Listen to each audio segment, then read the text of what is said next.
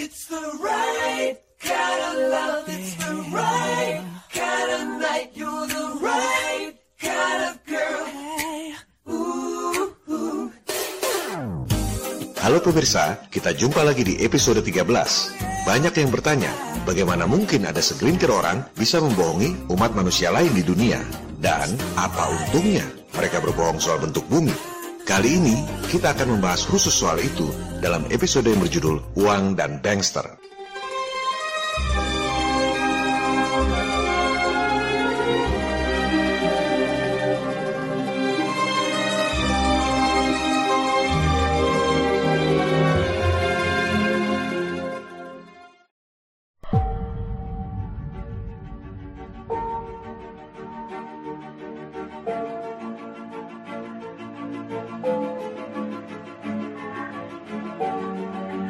Jika Anda telah sadar, atau setidaknya mulai berpikir adanya kemungkinan tentang flat earth, dan Anda mulai membicarakannya dengan orang lain, jangan kaget kalau reaksi orang justru mentertawakan, bahkan menghina Anda. Mengapa kebanyakan orang tidak peduli? Karena sebagian besar orang hanya berpikir untuk cari uang guna memenuhi kebutuhan hidup. Udah deh, ngapain mikirin yang begituan? Kan udah ada ahlinya. Mending cari duit yang benar buat menuhin kebutuhan. Pandangan seperti itu tampak masuk akal, tapi bisa juga sangat fatal. Sebab paradigma seperti itulah yang membuat bangsa kita dijajah selama 350 tahun. Udah deh, ngapain mikirin Belanda? Kan udah ada yang ngurus. Yang penting punya duit buat makan besok. Ini adalah ketidakpedulian yang bodoh. Kenapa? Karena di saat Anda cari duit seperak dua perak buat menuhin kebutuhan, ada segelintir elit yang mengeruk kekayaan alam, mengambil uang yang ada di dompet Anda, serta memperbudak Anda tanpa Anda sadari. Do you want to know what it is? The Matrix is everywhere. It is all around us. Even now, in this very room. You can see it when you look out your window or when you turn on your television. You can feel it when you go to work, when you pay your taxes.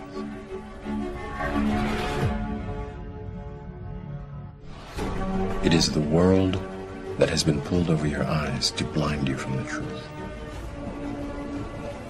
What truth? That you are a slave, Neo. Like everyone else, you were born into bondage, born into a prison that you cannot smell or taste or touch. A prison for your mind. Dunia tak seperti apa yang diajarkan di sekolah, sebab pendidikan sekolah diatur oleh UNESCO di bawah PBB. Sama seperti terhadap NASA, hampir semua orang berpikir PBB adalah lembaga the holy of holies, yang suci dari yang suci, lembaga yang agung yang bekerja untuk kemaslahatan umat manusia di dunia. Well, mari kita lihat fakta, siapa yang mendirikan PBB dan gedung PBB yang megah di New York itu dibangun di atas tanah hibah siapa? In a brief video introduced by the United Nations Secretary General Boutros Boutros Ghali and containing some exceptional footage, the connection between the United Nations, New York City, and the Rockefeller Foundation is clearly drawn. The future of this country and the lives of our children and our children's children are interwoven with the success of the United Nations. In it lies the hope of the people of the world. My father considers it a privilege to have had a part in the development of its permanent home. I'm glad to hand you, Mr. Lee, my father's check. Thank you, Mr. Rockefeller.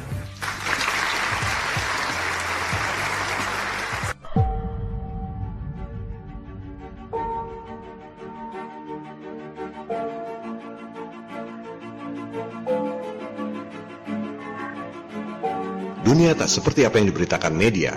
Hampir semua orang berpikir bahwa Amerika Serikat adalah negara adikuasa dengan sistem demokratis modern.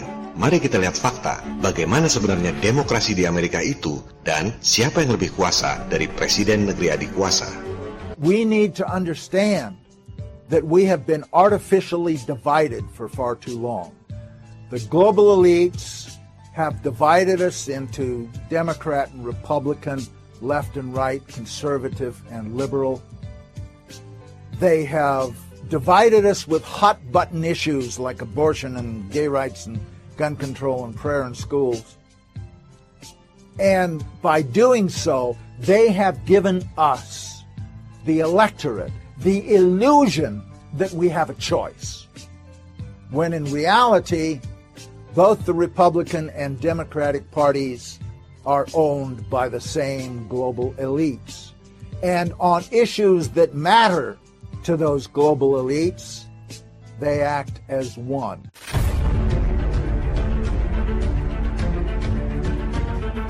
We get a lot of advice from the council, so this will mean I won't have as far to go to uh, be told uh, what we should be doing and uh, how uh, we should uh, think about the future. Politics, these elections are a charade. It is a oh, charade. Oh, okay. It is, it is, they are meant to. Well, I'll tell you, listen, just listen for a minute. Learn a little something. The ele- elections and politicians are in place in order to give Americans the illusion that they have freedom of choice. You don't really have choice in this country. Dunia tak seperti apa yang diberitakan oleh media.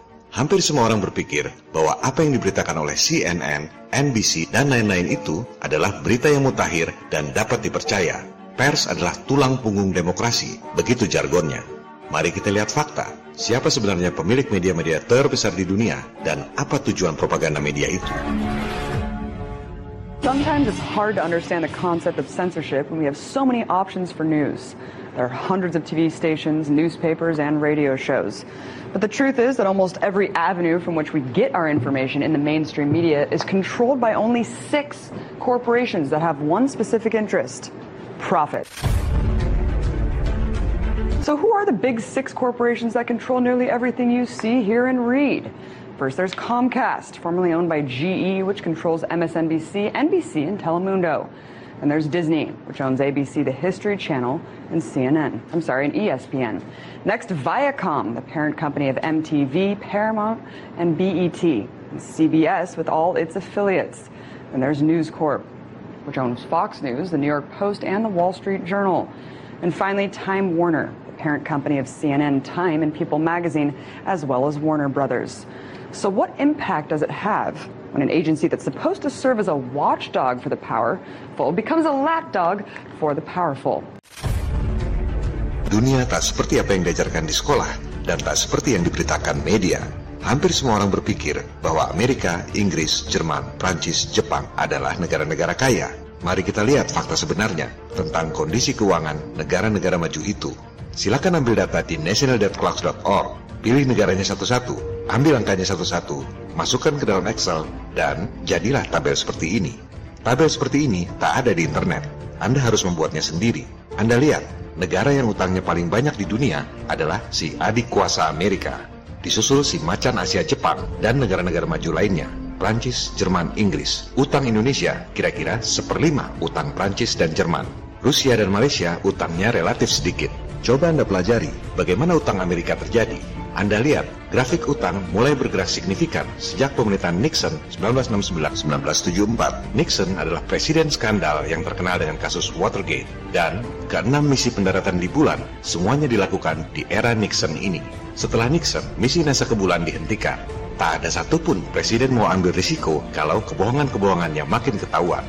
Tabel warna merah adalah utang era presiden dari Partai Republik seperti Reagan, Bush Senior, dan Bush Junior. Tabel warna biru adalah utang era presiden dari Partai Demokrat, Jimmy Carter, Bill Clinton, dan Obama. Semua presiden adalah bagian dari elit yang sama. Mungkin sulit membayangkan uang dalam bentuk miliar dolar, gak ketangkep nilainya berapa. Oke kita sederhanakan, kita konversikan dalam bentuk rupiah, dibagi jumlah penduduk masing-masing supaya lebih mudah dipahami. Jadinya seperti ini, utang per penduduk yang paling banyak di dunia adalah Jepang. Tiap warga Jepang utangnya 940 juta rupiah per orang, disusul oleh Amerika, utangnya hampir 800 juta rupiah per orang. Pertanyaannya, utang kepada siapa? Siapa yang lebih adik kuasa dari negara adik kuasa? Yang mengagetkan adalah Singapura. Sebenarnya jumlah utangnya lebih kecil dari Indonesia, tapi karena penduduknya cuma satu kota, jatuhnya satu warga Singapura utang 700 juta rupiah per orang. Kapan bayarnya? Tanah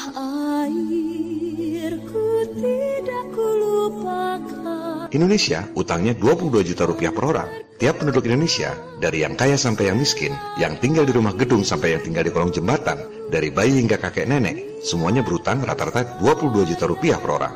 Atau kalau di rumah Anda ada lima orang, kira-kira keluarga Anda berutang 100 juta rupiah per orang. Padahal Anda tak pernah merasa punya utang dan tak pernah merasa menggunakan uang 100 juta rupiah per keluarga. Mungkin ada ekonom yang mendebat, gak bisa gitu dong, kan pendapatan rata-rata penduduk tiap negara beda. Tabel ini misleading. Oke, kita bandingkan utang dengan pendapatan rata-rata per penduduk, atau istilah ekonominya utang dibanding GDP per kapita. Anda lihat, warga Jepang utangnya 217% pendapatan per tahun, bukan per bulan. Amerika 106,3 persen, Singapura utangnya 78 persen dari pendapatan tiap orang per tahun. Indonesia utangnya 46,7 persen pendapatan tiap penduduk per tahun. Analoginya begini, jika Anda gajinya 10 juta rupiah per bulan, setahun 120 juta rupiah, kira-kira utang Anda 55 juta rupiah. Kalau Anda kepala keluarga yang isinya lima orang, berarti Anda menanggung utang 275 juta rupiah per keluarga. Ini hanya sekedar analogi untuk membayangkan berat atau tidak jumlah utang tersebut bagi masing-masing penduduk sesuai dengan pendapatan masing-masing. Mungkin ada yang mengatakan, ah saya kan nggak pernah bayar utang negara, yang bayarkan pemerintah. Betul? Salah besar. Andalah yang bayar utang-utang tersebut lewat pajak. Coba lihat berapa target pajak APBN 2017? 1.489 triliun rupiah. Mungkin sulit untuk membayangkan jumlah uang sebanyak itu. Oke, kita bagi lagi dengan jumlah penduduk, 260 juta orang. Satu orang yang tinggal di rumah mewah maupun gelandangan di kolong jembatan, dari bayi hingga kakek nenek, menanggung beban pajak 5,7 juta rupiah per orang tiap tahun. Anda dapat gaji, bayar pajak PPH. Beli barang, bayar PPN. Jual beli tanah Anda sendiri, kena pajak lagi, baik pembeli maupun penjual. Silakan Anda kerja, silakan Anda tak peduli soal kezaliman elit global. Silakan Anda pentingkan cari duit buat diri sendiri. Begitu dapat duit, uang Anda dipotong untuk membayar utang pada para bankir elit yang kaya raya. You can feel it when you go to work, when you pay your taxes. Inilah perbudakan gaya baru, neokolim, neokolonialisme dan imperialisme perbudakan global, Anda jadi budak para elit tanpa Anda menyadarinya. That you are a slave, Neo. Like everyone else, you were born into bondage, born into a prison that you cannot smell or taste or touch. A prison for your mind. Sampai kapan Anda dibebani utang terus? Tak akan ada habisnya. Sebab polanya memang gali lubang tutup lubang. Bayar sebagian kecil utang lama dengan mengambil utang baru. Anda lihat, Bahkan Direktorat Jenderal Pajak pun mengatakan bahwa APBN kita gali lubang tutup lubang. Mengapa bisa demikian? Masa semua orang di dunia ini segitu bodohnya hingga bisa dibohongi begitu mudahnya?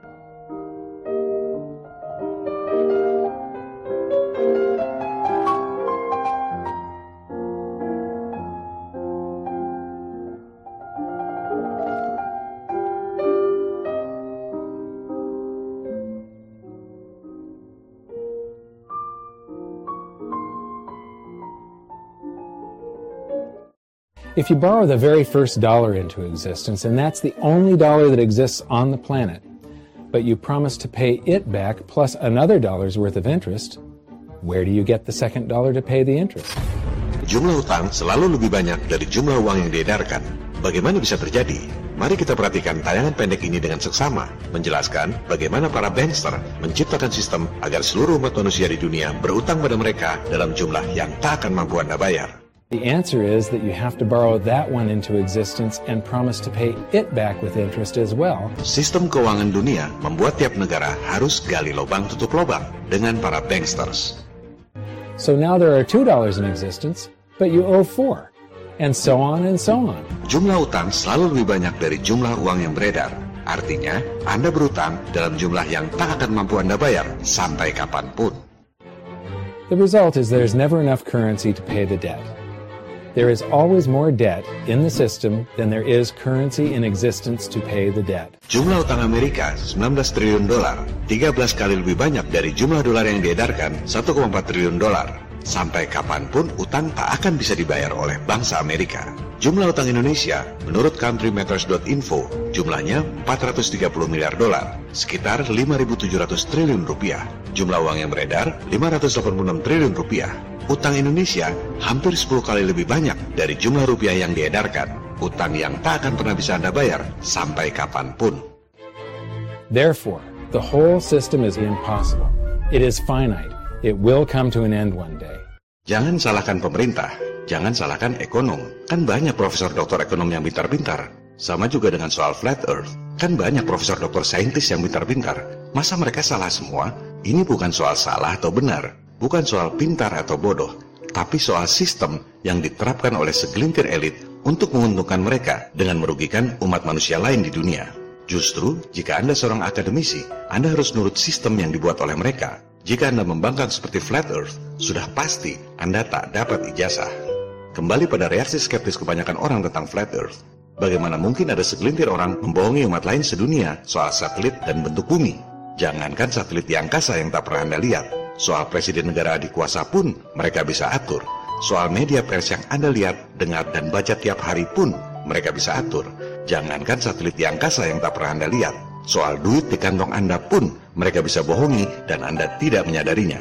Mereka bisa mencetak uang tanpa modal alias modal dengkul. Anda kerja keras, dipajaki buat bayar utang. Sementara mereka tak usah kerja pun bisa nyetak uang. Nyetak uang tanpa modal dan menerima pembayaran cicilan utang dari Anda. Bagaimana ini semua bisa terjadi? Kita saksikan tayangan berikut asal muasal uang yang ada di dompet Anda itu.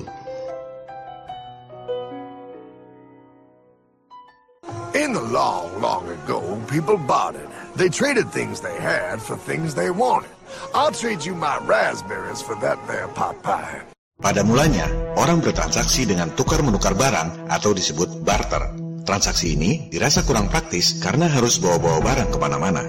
Then one day, a goldsmith walked up and said, Lalu, datanglah bangkir pedagang emas memberi solusi agar transaksi perdagangan menjadi lebih praktis. Now, everybody thinks gold is valuable, so why doesn't everybody trade gold for things they need? A price was set for gold, and now it was very easy to conduct commerce because people could trade gold for all the things they needed. Maka dimulailah babak baru. Emas, juga perak dan tembaga dijadikan alat tukar alias uang. Ini adalah kondisi ideal, sebab emas itu ada nilai intrinsiknya. Jadi, uang itu betul-betul ada harganya. Look at all my gold! Hey, hey, stop them! That's my gold! Tapi, jika emasnya banyak, rawan dicuri atau dirampok orang. Maka, para bangkir pedagang emas datang kembali memberi solusi. Say there, Pile. I've got a vault and some guards. I can keep your gold safe for you for a small fee. Yeah, sure, that'd be awesome. You see, Pile, this is how the first bank made money. Maka dimulailah era baru. Awalnya, bank menjadi tempat simpanan emas para nasabah. There you go, Pile. I owe you 100 gold coins. Selanjutnya, permainan berubah. Nasabah yang menitipkan emas pada bankir diberi tanda terima berupa kertas yang istilahnya IOU. Saya berutang padamu. Inilah asal muasal uang kertas. Bank menjadi sentra peredaran uang. Jadi sebenarnya IOU alias uang kertas itu adalah surat utang, bukan uang sungguhan. Dan yang namanya bank sentral itu dari dulu memang swasta. Negara tak ikut campur urusan peredaran uang. Sama seperti sekarang, pemerintah Indonesia, Presiden Republik Indonesia tak boleh ikut campur urusan peredaran uang. Inilah sistem yang diterapkan di seluruh dunia sejak dulu. Okay, great. Come back anytime and redeem your gold when you want it. It'll be right here in my vault. Now you're holding the very first paper money pile. Wow, this is great. It all makes sense. Oh, that's right. It was good. And everybody started using IOUs because everybody knew the IOU was as good as gold. Inilah persepsi yang dikembangkan.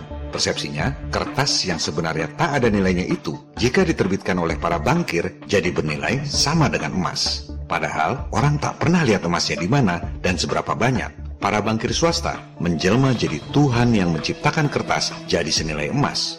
Luar biasa. Wow, this candy is really a good price. One IOU. I'm getting some more for later. Hey, wait a minute. It was just one IOU. Ten IOUs for chocolate? You can't just raise prices like that. Maka terjadilah problem besar sampai sekarang. Kebanyakan orang tak tahu beda antara money dengan currency. Itu dua hal yang sangat beda. Apalagi dalam bahasa Indonesia, money itu uang, currency itu mata uang. Orang tak tahu apa bedanya. Do you know what this is? Now, you may be thinking you, of all people, should know that you're holding money, but I'm making a point with a kind of tricky question. What I'm really holding is currency. Currency and money are actually very different. Uang alias money itu ada nilai intrinsiknya. Emas ada harganya. Zaman barter dulu, kambing ada harganya, ayam ada harganya. Sebaliknya, uang kertas alias currency itu tak ada nilai intrinsiknya. Akibatnya apa? Inflasi. Harga-harga melambung tinggi.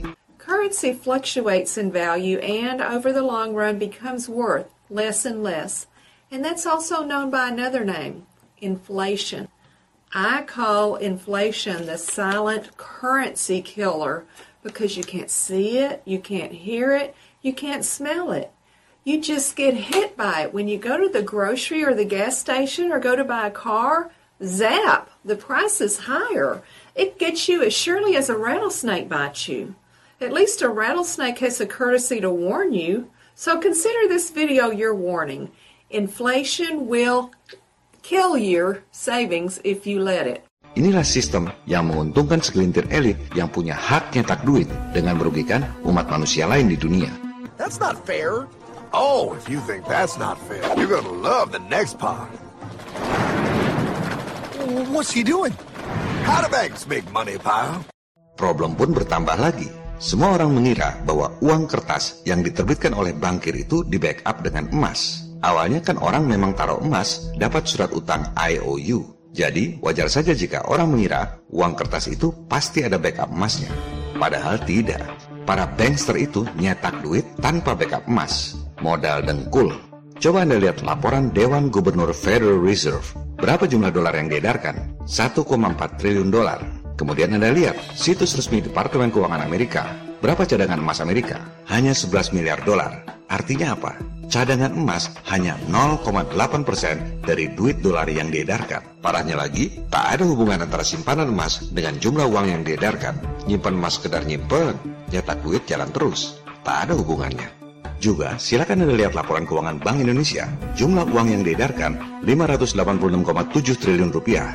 Cadangan emas kita 36,7 triliun rupiah. Artinya, cadangan emas Indonesia hanya 6,3 persen dari jumlah rupiah yang diedarkan. Tak ada hubungan antara simpanan emas dengan jumlah uang yang diedarkan. He prints more IOUs without any more gold, loans them out for interest, makes a pretty penny, and nobody is the wiser. Unless everybody wanted their gold back at the same time.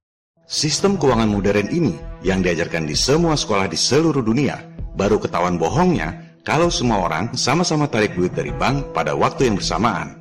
Rush. I'd like to redeem my IOUs, please. Thank you very much. Hey! I want my gold back now! Thief! Thief! Gotta love the bank run, bringing people together. See, they all found out he was stealing, made a run on the bank, and demanded their gold. But as you can see, there ain't no gold to get. Mari kita dalami tentang uang dan bankster ini.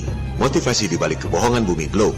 Bank berasal dari kata bench bahasa Inggris, yang asalnya dari bahasa Italia, banca, yang artinya bangku. Zaman dulu, kuil-kuil dipenuhi oleh para pendeta merangkap bankir. Mereka berdagang di sekeliling kuil dengan menaruh bangku-bangku penukaran uang emas. Bangka, bank. Mereka sebenarnya tak peduli Tuhan mana yang disembah di kuil itu. Yang penting, para jemaat yang datang ke kuil itu berdagang dengan mereka. Para jemaat jadi nasabah bankir pendeta. Itulah aktivitas yang terjadi di semua tempat-tempat peribadatan kuno. Kita sama mengetahui bahwa Ka'bah sebelum periode Islam menjadi tempat pemujaan berhala. Sebelum kemudian berhala-berhala itu dihancurkan oleh Nabi Muhammad Shallallahu Alaihi Wasallam. Ajaran Islam sendiri mengharamkan riba alias praktek membungakan uang. Para bankir pendeta menaruh bangku-bangku tempat berdagang di kuil yang mana saja. Apa pun agamanya, apa pun Tuhannya, para bankir pendeta tetap praktik di situ. Kemudian, seperti yang dijelaskan lewat film kartun tadi, jika bankirnya korup dan nasabah tak bisa tarik kembali emasnya, nasabah pada ngamuk dan menjungkir balikan meja alias bangku atau bangka itu. Dari situlah timbul istilah bankrupt alias bangkrut. Bagi rekan-rekan yang beragama Kristen, tentu mengetahui kisah Nabi Isa atau Jesus menjungkir balikan bangku-bangku tempat berdagang di tempat ibadah. Itulah yang disebut bankrupt. Nabi Isa atau Jesus membangkrutkan para pendeta bangkir. Jadi, sistem ekonomi berbasis bank sentral yang sebenarnya swasta, yang motivasi sebenarnya adalah mencari profit, yang diajarkan di semua sekolah di seluruh dunia, sebenarnya bertentangan dengan ajaran agama. Kenapa? Karena ajaran agama mengharamkan sistem yang dibuat untuk menguntungkan segelintir orang dengan merugikan umat manusia yang lain. Itulah sistem uang kertas yang ada di dompet Anda yang didesain oleh para bankster.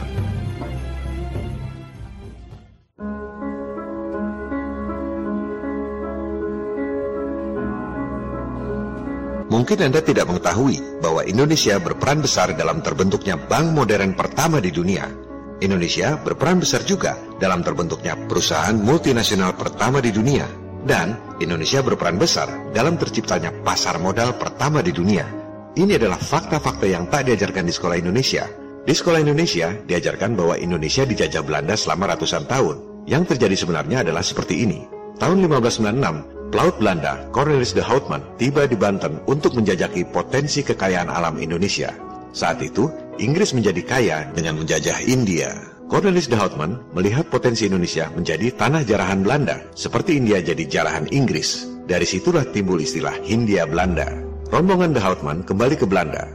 Mereka menceritakan potensi jadi kaya dengan menjarah sumber daya alam Indianya Belanda, maksudnya Indonesia. Mereka butuh duit dan butuh tentara, tapi mereka tak punya modal. Maka mereka usul bikin badan usaha dan minta modal pada masyarakat. Bukan cuma masyarakat Belanda, tapi juga masyarakat di negara-negara sekitarnya. Maka jadilah VOC sebagai perusahaan multinasional pertama di dunia. Bahkan VOC kemudian tercatat sebagai perusahaan pertama yang paling sukses dalam sejarah semua perusahaan di dunia. Ini adalah arsip lembar saham pertama di dunia. Bukan cuma itu, Indonesia juga berperan dalam terbentuknya pasar modal pertama di dunia. VOC jual saham ke publik. Kalau istilah sekarang IPO, Initial Public Offering atau Go Public. VOC adalah perusahaan TBK pertama di dunia lewat pasar modal pertama di dunia. Gara-gara Indonesia. Peran Indonesia belum selesai sampai di situ. Setelah dapat modal, kemudian VOC menjarah sumber daya alam Indonesia, dibawa kembali ke Belanda, dijual di sana. Taruh duitnya di mana? Maka dibentuklah Whistle Bank 1609. Whistle Bank artinya Currency Exchange Bank. Persis seperti yang diceritakan di gambar kartun tadi. Itulah bank modern pertama di dunia yang jadi cikal bakal semua bank sentral yang ada di dunia saat ini. Pusat peredaran uang. Jadi, Indonesia berperan sangat besar dalam terbentuknya perusahaan multinasional pertama di dunia. TBK pertama di dunia, pasar modal pertama di dunia, dan bank modern pertama di dunia. Sayangnya, Indonesia bukan peran pelaku, tapi jadi peran penderita.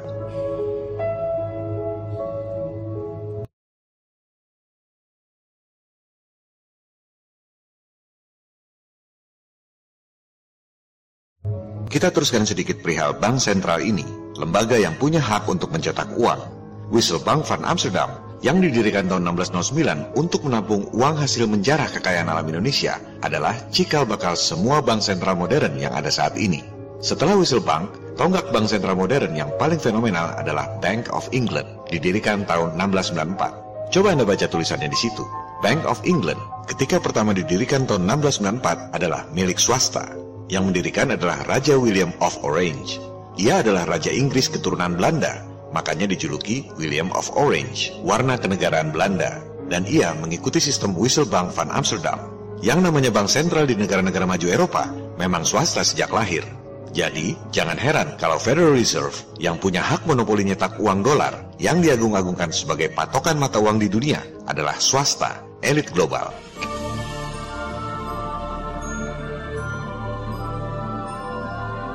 Kisah tentang elit global dimulai 50 tahun sejak Bank of England berdiri. Ada seorang bankir pedagang emas bernama Amsel Moses Bauer di Frankfurt. Ia tinggal di sebuah ruko sederhana dan memasang plakat perisai merah. Bahasa Jermannya Rothschild. Dalam lafal Inggris disebut Rothschild. Amsel Moses kemudian mengganti nama anaknya Mayer Amsel Bauer menjadi Mayer Amsel Rothschild. Persis seperti yang dikisahkan dalam film kartun tadi, tukang emas menjelma jadi bankir yang bisa nyetak uang kertas. Karena orang berpikir uang kertas yang dicetak itu ada jaminan emasnya, IOU. Padahal tidak. Para bankir pedagang emas itu nyetak duit tanpa ada emasnya. Dan masyarakat tak ada yang sadar. Baru sadar kalau semua orang menagih emas simpanannya. Tahun 1769, Mayer Amsel Rothschild melalui pergaulan secret societies alias sekte penyembah iblis mendapat kepercayaan dari orang terkaya di Eropa saat itu, Prince William IX of Hesse-Kassel. Bisnisnya antara lain menyewakan serdadu perang. Perang adalah proyek, perang adalah uang.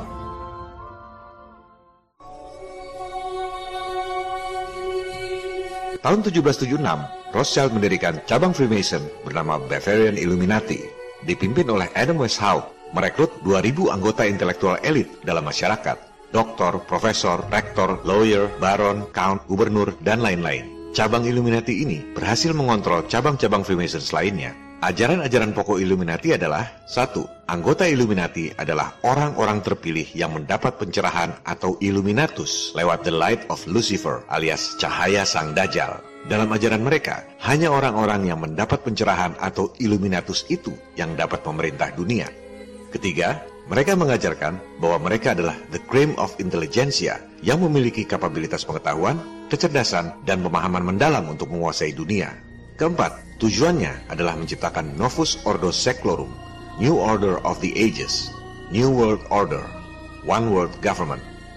Dua bulan setelah berdirinya Illuminati di Bavaria, di belahan benua lain, lahirlah negara republik modern pertama di dunia, Amerika Serikat. Keempat Founding Fathers Amerika, George Washington, Thomas Jefferson, John Adams, dan Benjamin Franklin, semuanya adalah Freemason, tapi bukan Illuminati. Di abad pertengahan pasca Renaissance, hampir semua bangsawan dan aristokrat memang Freemason. Tapi ingat, tidak semua Freemason itu jahat. Kebanyakan hanya menjalankan ritual-ritual biasa saja. Cuma bedanya, mereka menyembah iblis. Illuminati menyusup dalam pemerintahan George Washington melalui Menteri Keuangan Alexander Hamilton. Lewat Menteri Hamilton inilah dibentuk bank sentral swasta pertama di Amerika, the First Bank of US, milik Rothschild. Bangsa Amerika terlilit utang pada bankir elit sejak pertama negara itu berdiri. Coba Anda lihat keterangan di Biro Utang Publik Departemen Keuangan Amerika ini. Bangsa Amerika dililit utang sejak berdiri tahun 1776. Presiden pertama Amerika, George Washington, sebenarnya tahu tentang adanya kekhawatiran masyarakat bahwa Illuminati masuk dalam pemerintahannya. Ini adalah tulisan tangan George Washington tentang Illuminati yang saya cuplik dari The George Washington Papers at the Library of Congress. Kembali ke Eropa. Pada saat itu, bisnis Rothschild semakin berkembang.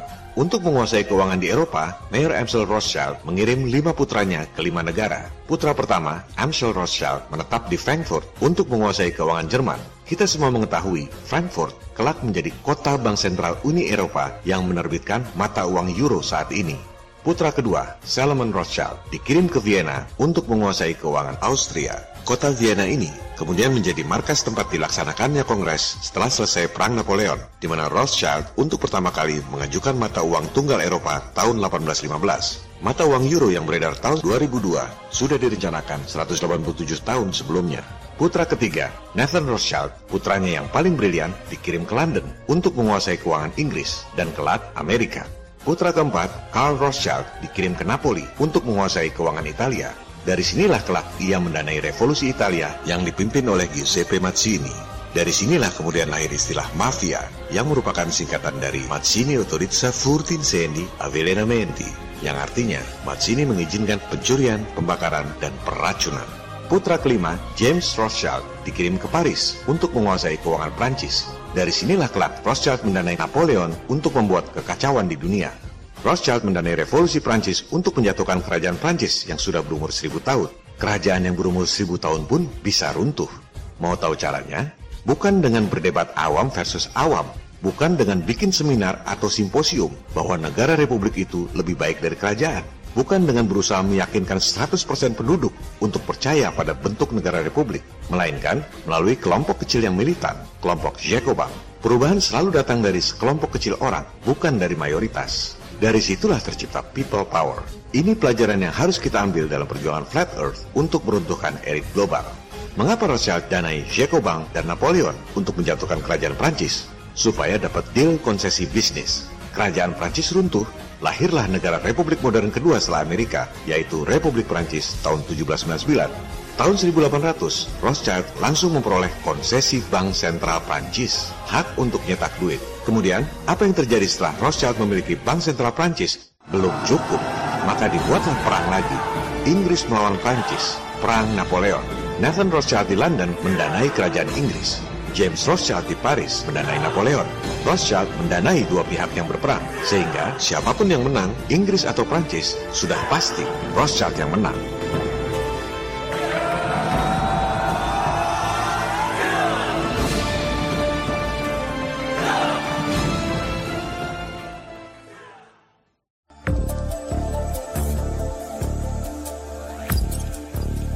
Pada episode 8, telah dibahas bagaimana elit global menancapkan kuku di Amerika.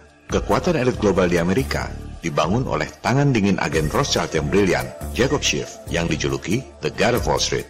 Dialah sang dewa yang menguasai perekonomian dunia lewat Wall Street. Jacob Schiff mendanai Rockefeller untuk membangun kerajaan bank Chase Manhattan dan menjadi raja minyak Standard Oil. Schiff mendanai JP Morgan, pentolan elit global yang membunuh karir Nikola Tesla akibat khawatir ada energi gratis buat umat dunia. Jacob Schiff mendanai konglomerat rel kereta Harriman, mendanai James Tillman untuk membentuk Citibank, Andrew Carnegie untuk mendirikan Wells Fargo, dan lain-lain. Maka terciptalah kelompok yang kita sebut sebagai elit global, segelintir orang yang sangat kaya dan powerful yang mampu menerapkan sistem multidimensi ke seluruh dunia. Keberhasilan Rothschild mendanai kelompok militan Jacobin untuk menggulingkan kerajaan Prancis yang sudah berusia seribu tahun, diulang kembali dalam lingkup yang jauh lebih besar bukan lagi untuk menguasai negara, tapi untuk menguasai dunia. Maka dibentuklah kelompok kecil yang merupakan cloning dari Jacobin yang disebut The Round Table. Partner Rothschild untuk urusan politik internasional ini adalah pengusaha Inggris Cecil Rhodes. Rhodes adalah perpanjangan tangan elit untuk menjajah Afrika. Pengusaha Inggris ini kemudian menjadi Perdana Menteri negara jajahan di Afrika bagian selatan. Jika Anda pernah dengar negara Zimbabwe Rhodesia, itu diambil dari nama Rhodes. Lewat penjajahan dan penjarahan Afrika, Rhodes membentuk imperium bisnis berlian, De Beers. Berlian itu bukan logam mulia seperti emas, perak, tembaga, dan lain-lain. Berlian adalah karbon.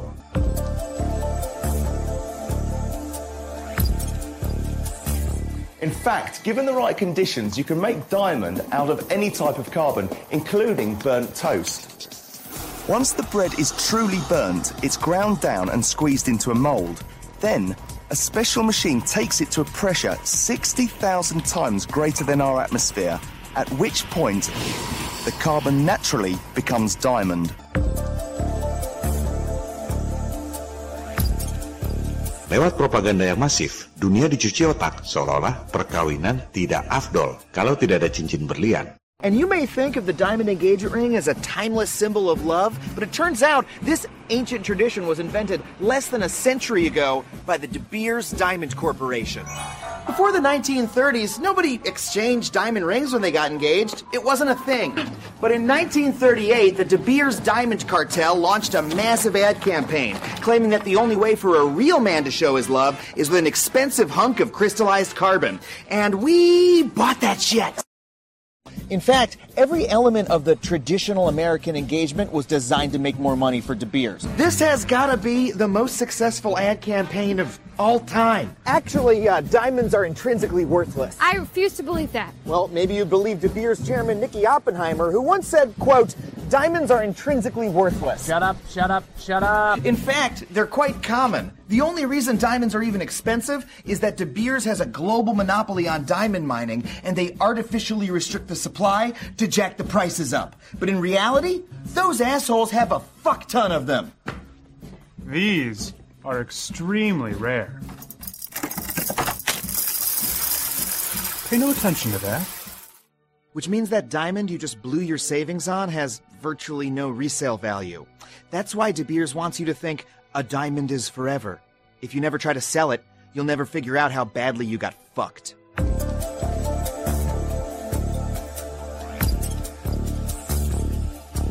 Demikian halnya dengan mitos bahwa BBM adalah fosil dinosaurus dan tumbuh-tumbuhan. Mitos ini diajarkan di semua sekolah di seluruh dunia. Padahal BBM alias senyawa hidrokarbon itu adalah cairan yang ada di perut bumi. Tak ada yang tahu dari mana asalnya. Sama seperti tak ada yang tahu dari mana mata air sungai mengalir. Hoax bahwa BBM adalah fosil dinosaurus dan tumbuhan diciptakan untuk memberi kesan barang langka yang mahal. Persis seperti tipuan berlian itu.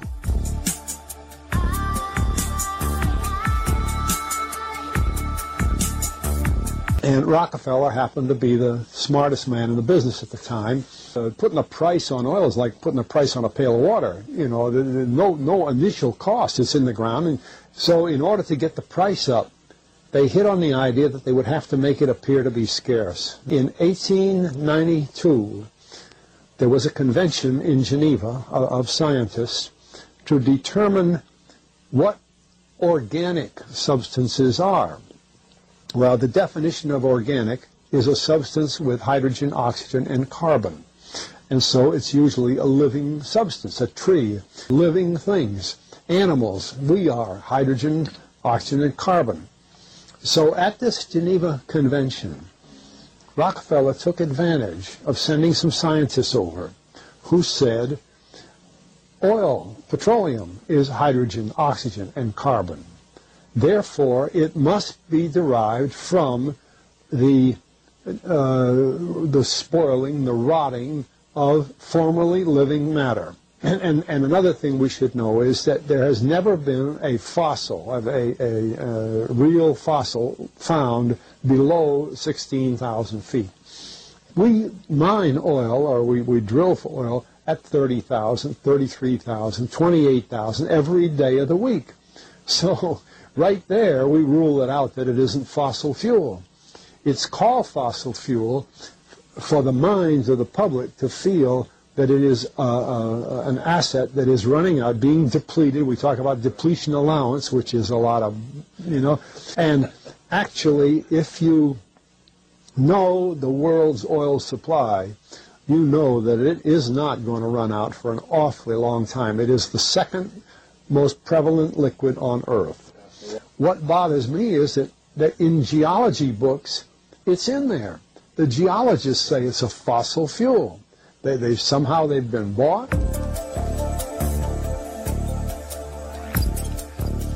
Jadi, jangan heran kalau elit global mampu mencuci otak dunia bahwa kita sudah mendarat di bulan, bahwa kita gunakan 13.000 satelit yang melayang-layang di angkasa, kita sudah pergi ke Mars, Jupiter, dan lain-lain.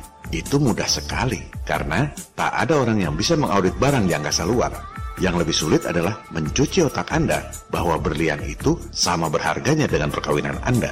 Bahwa minyak bumi berasal dari fosil dinosaurus yang tak pernah bisa dibuktikan sampai kapan pun di mana ada fosil sebanyak itu. Mereka mampu melakukan itu dan Anda semua tidak menyadarinya.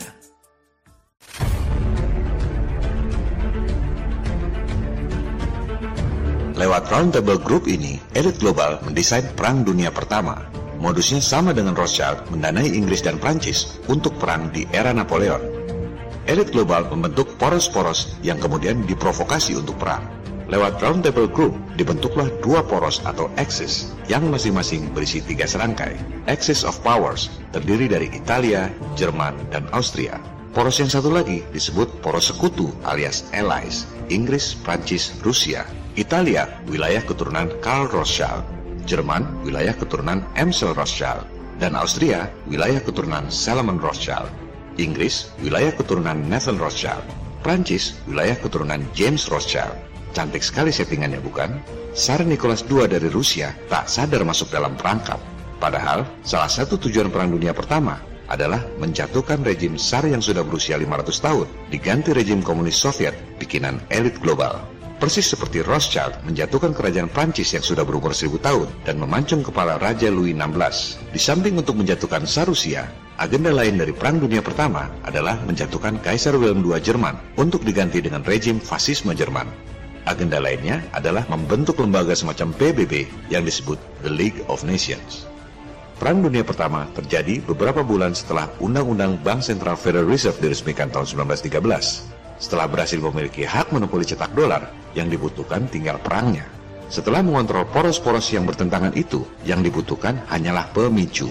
Pembunuhan Pangeran Franz Ferdinand dari Austria, satu peluru yang ditembakkan oleh seorang pemuda sudah cukup untuk memicu Perang Dunia Pertama. Satu momentum sudah cukup untuk merubah dunia selamanya. Jika Anda perhatikan, dalam poros-poros yang didesain elit global ini, tak ada Amerika Serikat. Wilayahnya jauh di seberang samudera. Tak ada alasan bagi Amerika untuk ikut Perang Dunia Pertama. Maka didesainlah False Flag, kapal Lusitania yang telah dijelaskan pada episode 8. Tenggelamnya satu kapal sudah cukup untuk membuat Amerika ikut Perang Dunia Pertama. Skenario Perang Dunia berjalan dengan mulus. Mega proyek industri militer, industri perbankan, sekaligus menjatuhkan kerajaan-kerajaan Rusia dan Jerman. Hanya satu agenda yang belum terlaksana, The League of Nations, embrio PBB, tidak berjalan seperti yang diharapkan maka dirancanglah Perang Dunia Kedua.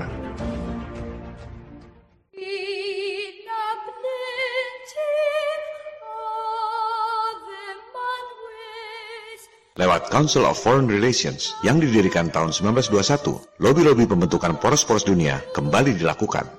Kali ini, poros sekutu yang terdiri dari kapitalisme Amerika Serikat yang bergabung dengan komunisme Soviet melawan poros fasisme dan nasisme yang terdiri dari Italia, Jerman, dan Jepang. Jadi, jangan heran jika Amerika dan Soviet sama-sama bersandiwara soal angkasa luar. Soviet adalah sekutu Amerika dalam Perang Dunia Kedua. Lawannya, Hitler adalah bagian dari elit global.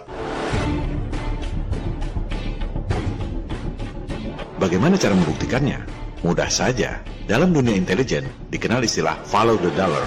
Telusuri saja aliran dananya. Coba Anda selidiki, siapa yang mendanai Hitler? Mesin ekonomi Hitler adalah konglomerasi IG Farben yang terdiri dari enam perusahaan raksasa Jerman. Partner IG Farben itu adalah Standard Oil, milik Rockefeller. Holocaust memang hoax. Tak ada pembunuhan massal Yahudi dengan gas beracun. Itu adalah mayat-mayat korban tipes dan korban kelaparan akibat sumber makanan di bom sekutu. Holocaust adalah propaganda elit untuk mencari simpati internasional agar dunia tak ada yang ribut waktu pembentukan negara Israel 1947-1948. Tapi bukan berarti Hitler itu pahlawan. Bahkan, jika Anda baca buku investigatif Inside the Gestapo dan The Mind of Adolf Hitler, di situ dijelaskan bahwa ayah Adolf Hitler, yakni Alois Hitler, adalah anak haram dari seorang pembantu yang kerja di Mansion Rothschild di Vienna. Ibunda Alois Hitler dihamili oleh Lord Rothschild yang memang dikenal kerap melakukan ritual iblis termasuk membuntingi pembantu.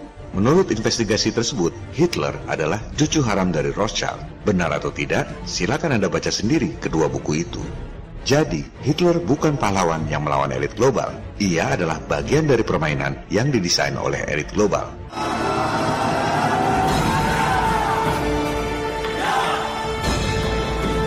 Perang Dunia Kedua pun meletus. Lagi-lagi, Amerika tak punya alasan untuk perang. Maka dibuatlah kembali false flag, sama seperti false flag kapal Lusitania waktu Perang Dunia Pertama. Kali ini, eventnya adalah Pearl Harbor. Jadi, jangan heran kalau peristiwa 911 adalah false flag. Alasan agar Amerika bisa menyerbu Irak dan Afghanistan untuk menguasai ladang-ladang minyak di sana. Modus false flag sudah berulang kali dilakukan, namun Anda tidak menyadarinya. Skenario Perang Dunia Kedua berjalan mulus. Agendanya adalah membentuk otoritas politik dan keuangan negara-negara di dunia, PBB, World Bank, dan IMF. Order out of chaos. Upset the established order, and everything becomes chaos. I'm an agent of chaos. Menggolkan agenda dengan menciptakan kekacauan.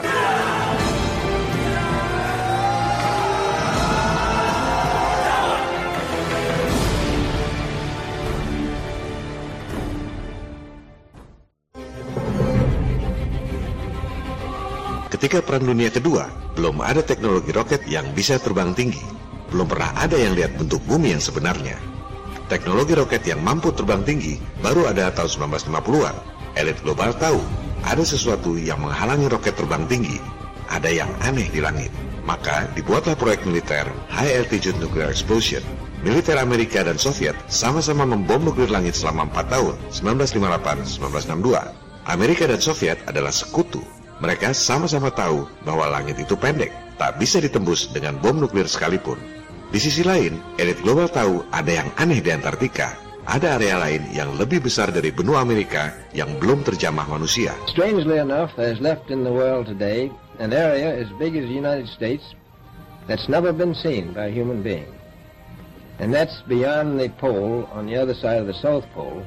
Di sisi lain lagi, tahun 1955, militer Amerika menemukan teknologi tropospheric scattering dengan nama sandi White Alice. Ternyata kita bisa kirim sinyal ke langit, dipantulkan sendiri oleh langit, diterima di tempat lain sejauh 300 km. Ini adalah kemajuan teknologi yang luar biasa. Kita bisa telepon tanpa pulsa, bisa kirim data, baik berupa teks, audio, maupun video call tanpa pulsa dan tanpa jaringan internet. Militer Amerika telah membangun jaringan White Alice ini tahun 1955-1957 sampai ke Filipina. Teknologi ini tidak diumumkan ke publik. Tahun 1957 itulah diambil keputusan yang sangat penting. Kalau semua orang tahu bahwa kita bisa kirim sinyal ke langit tanpa satelit, biaya telekomunikasi menjadi rendah. Bagus buat rakyat, tapi tak bagus buat para pengusaha elit yang serakah. Seperti propaganda bahwa karbon senilai dengan perkawinan Anda, juga mitos bahwa minyak bumi adalah fosil dinosaurus dan tumbuhan supaya terkesan langka dan berharga tinggi. Mereka pun melakukan hal yang sama dengan teknologi White Alice ini. Elit global memanfaatkan science fiction yang dikarang oleh penulis novel Arthur C. Clarke. Satelit adalah karangan penulis novel, bukan ide saintis. Maka, untuk menaikkan biaya telekomunikasi di seluruh dunia, supaya mereka bisa untung besar, diciptakanlah bisnis hoax satelit. Bagaimana cara mempropagandakan satelit? Order out of chaos. Harus dibikin soal satelit ini penting buat keamanan negara, supaya wakil rakyat tak ada yang ribut dengan turunnya anggaran triliun dolar. Maka dibuatlah false flag, jurus lama tapi ampuh. Soviet pura-pura luncurkan satelit duluan, Sputnik 1957. Pers Amerika menyambutnya dengan propaganda era baru lomba angkasa luar dengan alasan keamanan negara. Maka didirikanlah NASA tahun 1958. Sejak itu, dunia taunya bumi bola adalah fakta. Ada foto-foto NASA, ada satelit, dan saingannya, Soviet juga ikutan.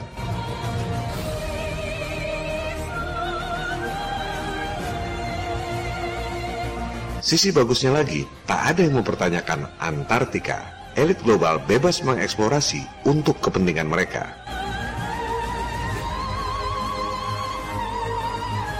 Alasan pembuatan satelit adalah karena bumi berbentuk bola, maka orang tak bisa kirim sinyal yang jauh akibat lengkungan bumi. Jadi, kita butuh satelit untuk menyambung sinyal-sinyal itu. Butuh satelit yang banyak supaya telekomunikasi lancar. 13.000 satelit di angkasa. Kalau harga satelit rata-rata harganya 2 triliun rupiah, maka total biaya yang dikeluarkan 26.000 triliun rupiah dibagi 8 miliar penduduk dunia. Tiap orang menanggung beban 3,2 juta rupiah untuk biaya satelit. Padahal sebenarnya tanpa satelit pun sinyal mantul sendiri.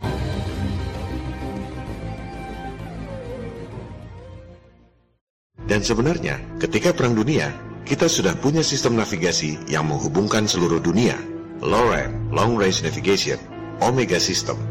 Navigasi seluruh dunia dapat terhubung lewat delapan menara utama saja. Tak ada lengkungan bumi.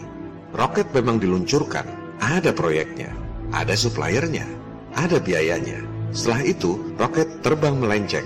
Dua per tiga permukaan bumi adalah air. Mudah saja menghilangkan roket yang dibuat oleh perusahaan-perusahaan elit. Setelah itu, pembeli satelit diberikan sistem pada control room. Mana pernah lihat satelitnya di mana? Faktanya, navigasi di lautan terpantau cukup dengan 8 menara besar saja. Telekomunikasi di seluruh dunia tersambung lewat jaringan fiber optics. Disambung lagi dengan menara-menara BTS yang bisa memandu Gojek sampai ke ganggang sempit. Mengapa GPS bisa melacak motor Gojek, sementara pesawat MH370 yang sangat besar tidak ketahuan jatuhnya di mana? Karena di area sekitar Gojek banyak menara-menara BTS, sementara di tengah lautan yang navigasinya dipantau hanya dengan 8 menara besar saja, banyak blank spotnya. Antena-antena parabola diset secara akurat mengarah pada titik tertentu, tropospheric scattering, White Alice. Jelas saja titik kita pernah berubah. Kalau parabola mengarah pada satelit yang tingginya 400 km, melayang-layang di angkasa tanpa pilot, mana mungkin tak pernah bergeser sedikit pun selama bertahun-tahun? Mana yang lebih masuk akal buat Anda? Monitoring cuaca dilakukan dengan balon udara. Ngapain NASA kirim balon kalau ada 13.000 satelit di angkasa? Sistem GPS pada Google Maps yang tahu jalanan macet atau tidak mengambil data dari masing-masing handphone pengguna. Semakin banyak yang online, semakin akurat prediksinya. Tak ada hubungannya dengan satelit. Jadi, kalau ditanya, buat apa bohong soal bentuk bumi? Well, ada 26.000 triliun alasan yang menguntungkan. Itu baru soal satelit, belum soal program angkasa luar. Ada 2.000 triliun alasan buat bohong soal moon landing. Ada 2.000 triliun alasan buat bohong soal ISS. Belum lagi berbagai proyek fiktif seperti pergi ke Mars, Jupiter, dan lain-lain.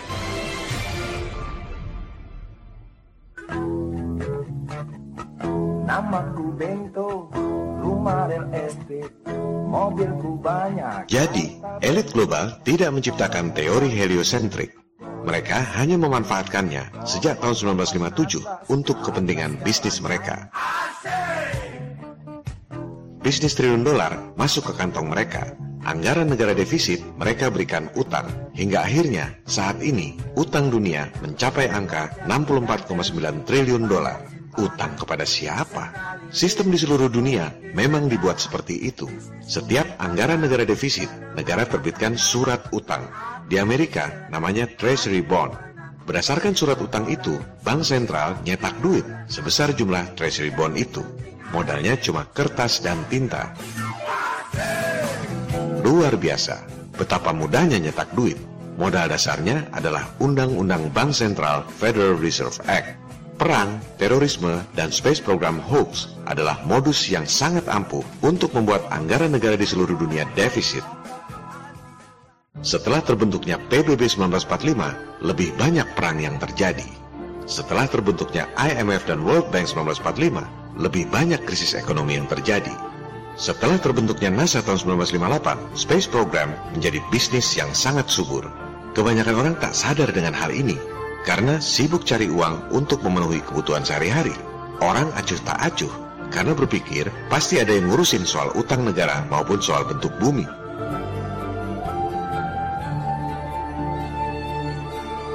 Apa arti utang 64,9 triliun dolar itu? Dengan asumsi kurs beli dolar 13.400 rupiah, jumlah utang dunia 868.320 triliun rupiah. Dibagi 8 miliar jumlah penduduk dunia, maka tiap orang di dunia, yang kaya maupun yang miskin, dari bayi yang baru lahir hingga kakek nenek, nanggung utang rata-rata 108,5 juta rupiah per orang. Utang yang tak akan pernah bisa dibayar dan terus bertambah setiap detik. Ini akan dijadikan alat penekan oleh elit global untuk menggolkan agenda mata uang tunggal dunia, New World Order. Alasannya supaya keuangan dunia tidak krisis lagi. Persis seperti alasan pembentukan Federal Reserve 1913 akibat peristiwa Panic 1907, Order out of Chaos. Persis seperti alasan IMF mendikte kebijakan negara kita akibat krisis 1998. Padahal setelah itu justru perekonomian semakin hancur. Tujuan akhirnya adalah menanamkan chip di tubuh Anda, identitas Anda, KTP Anda, paspor Anda, asuransi kesehatan Anda, rekening bank Anda, semua ada di dalam chip itu. Alat pembayaran atau currency bukan lagi berupa uang kertas, tapi uang digital yang ditanam dalam chip itu. Anda tak akan mampu menolaknya. Oleh sebab itulah, Flat Earth menjadi penting buat Anda. Bukan mau berdebat teori mana yang paling benar. Kita adalah rakyat. Kita tidak berkewajiban mengarang teori. Kita tidak diberi budget ratusan miliar setahun untuk menyelidiki dan membuktikan bentuk bumi. Kita tidak berkewajiban untuk membuat semua orang awam percaya pada Flat Earth. Tugas kita sebagai rakyat adalah membongkar kebohongan para elit yang merugikan umat manusia di dunia. Tugas kita menangkap maling. Tak perlu jadi polisi untuk menangkap maling.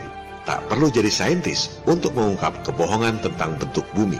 Kalau teori bumi bola mengelilingi matahari itu salah, berarti ada skandal bisnis triliun dolar dalam 60 tahun terakhir. Berarti biaya telekomunikasi kita tidak semahal ini.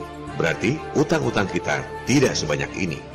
Inilah momentum yang bisa menjatuhkan raksasa Goliath, meruntuhkan sistem yang zolim, membuat dunia yang lebih baik bagi kita semua dan generasi penerus.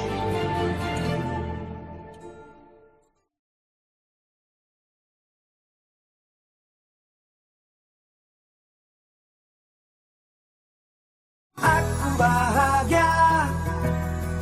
Hidup sejahtera di katulistiwa Perkembangan terakhir, Flat Earth Indonesia masih nomor satu di dunia menurut Google Trends. Di atas Amerika, Kanada, Australia, dan Afrika Selatan. Data geografis ini sangat menarik. Berarti, pemerhati Flat Earth terbesar itu dua negara di ujung utara, dua negara di ujung selatan, dan hanya satu negara, Indonesia, yang di Katulistiwa. Nomor satu lagi. Saya tidak memonetize serial video ini. Kalaupun ada iklan, pendapatannya diambil oleh YouTube dan para pemegang hak cipta lagu dan video yang karyanya saya pergunakan.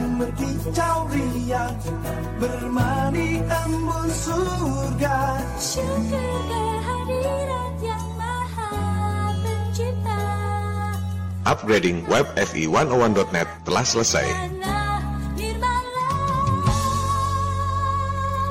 Kini, tampil dengan fitur yang lebih kaya, desain yang lebih artistik, dan hosting SSL yang lebih terproteksi. Fitur barunya antara lain ada Fancy Articles, di mana Anda bisa nulis artikel dengan tampilan yang lebih bagus dan profesional. Silakan kembangkan kreativitas Anda di situ.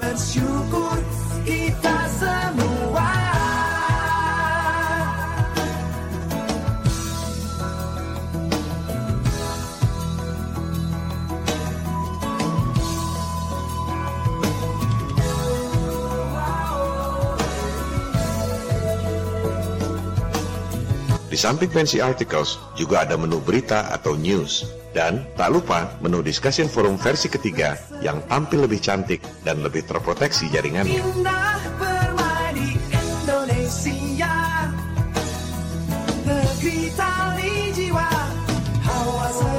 Web kemudian di-upgrade dengan kerja keras para aktivis Flat Earth, dipimpin oleh Pradana yang berlatar pendidikan IT sebagai tim leader. Timnya terdiri dari Mr. Key, anak muda yang berpengalaman di bidang pembuatan blog komunitas dengan tingkat security yang tinggi. The Wish Kid, ahli IT yang baru berusia 17 tahun, tapi prestasinya sudah diliput media berbahasa Inggris. Anonymous, sarjana IT yang banyak memberi kontribusi pada komunitas. Ibam Archerstone beserta tim talent yang memberi sentuhan estetika pada desain grafis. Semua ini disediakan tanpa pendapatan iklan untuk mendorong penelitian, pemahaman, dan pengembangan Flat Earth di Indonesia. Wadah FI 101 Channel ini menjadi inspirasi bagi komunitas untuk membuat teknologi yang konkret agar biaya energi dan komunikasi menjadi lebih murah. Ain't no sunshine when she's gone. Contohnya ini, Ardi Aryono yang baru lulus SMA berhasil membuat Tesla Coil, lampu tanpa kabel. Ain't no sunshine when she's gone. And she's always gone too long. Anytime she goes away. Ardi bercita-cita membuat dunia yang bebas dari kabel listrik. Wonder if she's gone to stay. Ain't no sunshine when she's gone. Memang seperti itulah visi Nikola Tesla 120 tahun yang lalu. Anda bisa menyalakan lampu, komputer, charge HP Anda tanpa kabel. Menurut perhitungan Ardi, lampu dengan Tesla Coil ini biaya operasionalnya hanya 20% dibanding lampu listrik. Penghematan biaya listrik Anda sebesar 80%. Luar biasa. sunshine when. Juga ini, seorang ahli IT dan telekomunikasi bernama Benny. Ia adalah profesional yang memiliki usaha sendiri di bidang fiber optic dan wireless communication. Benny mencoba membuat tropospheric scattering, white Alice. Anda bisa telepon, kirim SMS, video call, dan lain-lain tanpa pulsa, tanpa jaringan internet, dengan antena parabola, tanpa satelit. Berapa banyak biaya telekomunikasi yang bisa Anda hemat? Ini adalah contoh antusiasme komunitas yang bangkit kesadarannya dan ingin lepas dari belenggu perbudakan ekonomi elit global. Dari sisi kajian akademis, Aji dari Pontianak dengan latar belakang pendidikan MIPA sedang membuat buku berjudul Hamparan Bumi, Kajian Kritis Kosmologi Bumi Bola.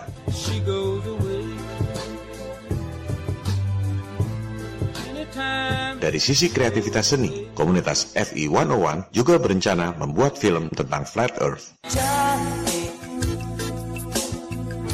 Bukan ku ingin mengganggumu Tapi apa arti merindu Selalu oh, oh. Pemeran utama wanitanya, Najwa, adalah aktivis Flat Earth yang bukan hanya cantik, tapi juga intelektual. Najwa adalah seorang dokter yang berencana melanjutkan pendidikan ke S2. Ada hati yang termanis dan penuh cinta Tentu saja kan ku balas seisi jiwa Tiada lagi Ia pun berencana menulis buku sendiri, bahkan mendesain covernya sendiri. Multi talent.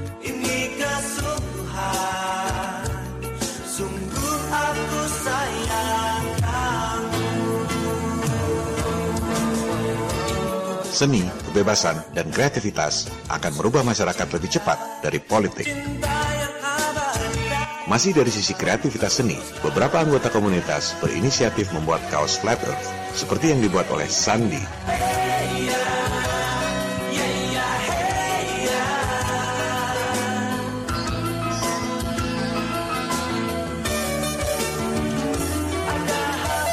Perkembangan grup-grup komunitas juga luar biasa. Ada grup WhatsApp, Telegram, FB, dan lain-lain. Mereka kadang-kadang kopdar untuk berdiskusi.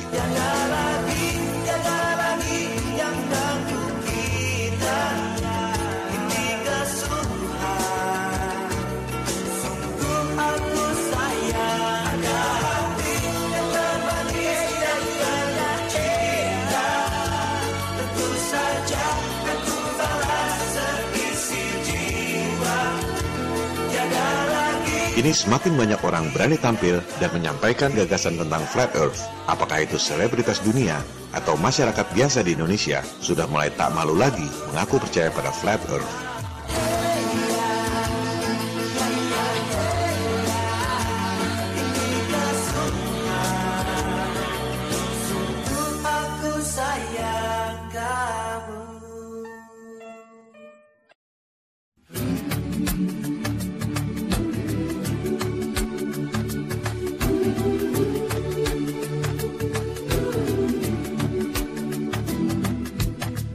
Flat Earth 101 kita ini, posisi sekarang nomor 2 Flat Earth channel terbesar dunia, hanya di bawah Eric Dubay. Ini bukan ego atau ambisi pengen jadi nomor satu.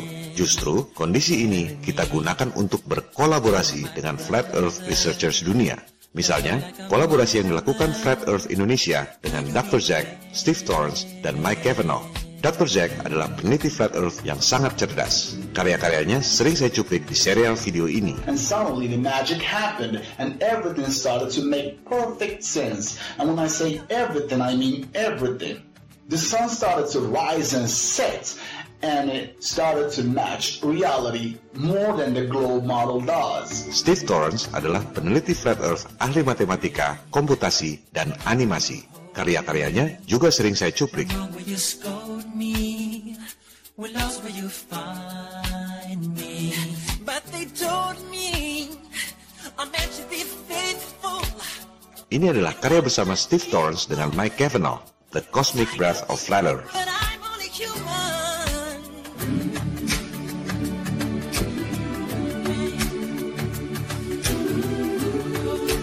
Ini adalah ruang diskusi kami berempat, Steve Torrance, Boss Darling, Dr. Zack, dan Mike Cavanaugh. Semakin tinggi ilmunya, semakin rendah hatinya. Tak ada ego atau persaingan. Yang ada, saling belajar, saling memuji, dan saling memuliakan. Dr. Zack saat ini sedang membuat eksperimen dengan beberapa Flat Earthers Indonesia. Sebuah eksperimen yang belum pernah Anda lihat sebelumnya. Video eksperimen itu nantinya akan ditayangkan di channel Dr. Zack, bukan di channel kita ini.